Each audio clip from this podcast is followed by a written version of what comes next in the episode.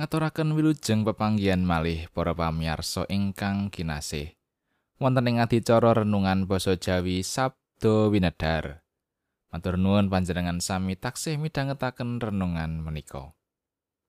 Ing dinten menika renungan kaparingan jejer mbudidaya mlebet kraton swarga. Minangka tiyang pitados menapa sampun mesti mlebet kraton ing swarga? Monggo kita kegilut sabdanipun Gusti ing dinten menika kapendhet saking Matius bab 11 ayat 11 ngantos gangsal 11. Saderengipun kita ndedonga. Duh Gusti Allah Pangeran Gustining para tumitah ing jagat. Kawula para abdi paduka sowan ing ngarsa paduka ngaturaken pamuji syukur awit sakathahing berkah ingkang kawula tampeni saking paduka. Berkah kasarasanan kacekapan utaminipun berkah arupi manah ingkang kebak katentreman. Ing wekdal mirunggan menika Gusti kawula sampun sumadyo nampeni pangandika paduka. Mugi Gusti ngiyataken kawula, nyagetaken kawula mangertosi wosing sabdo paduka. Satemah kawula tindakaken ing gesang bebrayan. Matur nuwun Gusti, taksih kathah dosa lan kelepatan ing tindak tanduk kawula saben dintenipun. Mugi paduka kersa ngapunteni.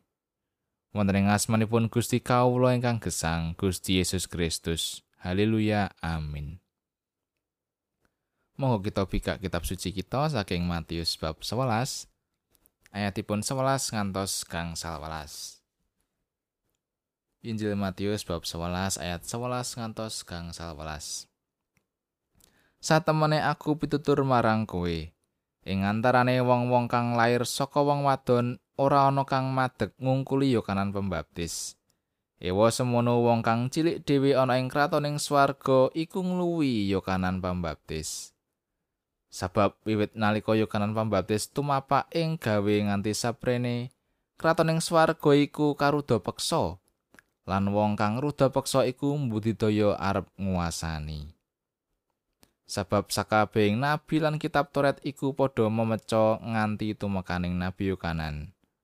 Sarta menawa kowe padha gelem nganggep mangkono, iya dheweke iku Elia kang bakal teka. Sing sapa duwe kuping ngrungokno.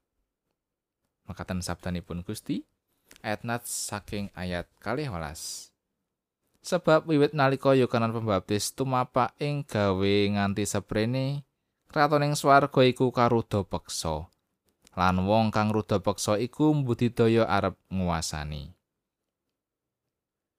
wonten ing kapitadosan Kristen piwulang bab kraton swarga menika boten sanes inggih prasetyaning Gusti Allah ingkang sampun kaparingaken nalika tiyang menika ngakeni bilih piyambakipun pitados.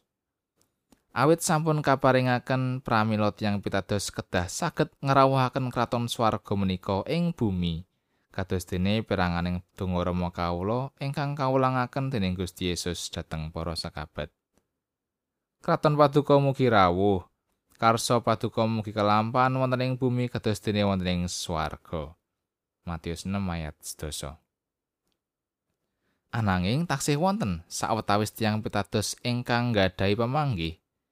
Bilih keton swarga menika taksih kedah kaudi lumantar kamursitan.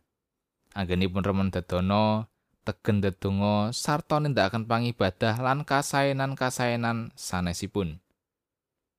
Pamanggih ingkang kados pengkaten menika ingkang njalari manungsa sami budidaya kanthi ngetok sedaya kasagetanipun nindakaken paugraning agami kanthi ancas supados saged mlebet saha ngwaosi kraton swarga saking ayat 12 Manungsa lajeng sami lumebet ing tetandingan karohanen kanthi mameraken kasaenan lan kamursitan ing sangajengipun tiang kathah.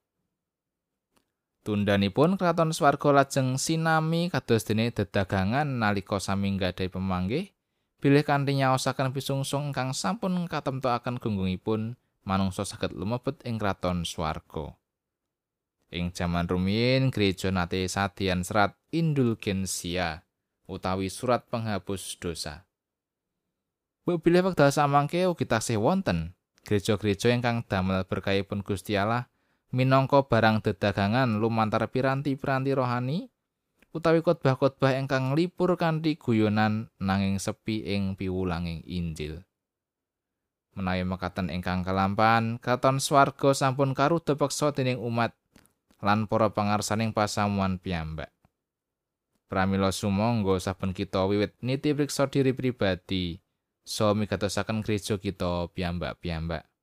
sampun ngantos damel berkah lan kawulujengan peparingipun Gusti Allah dados barang dedagangan. Amin.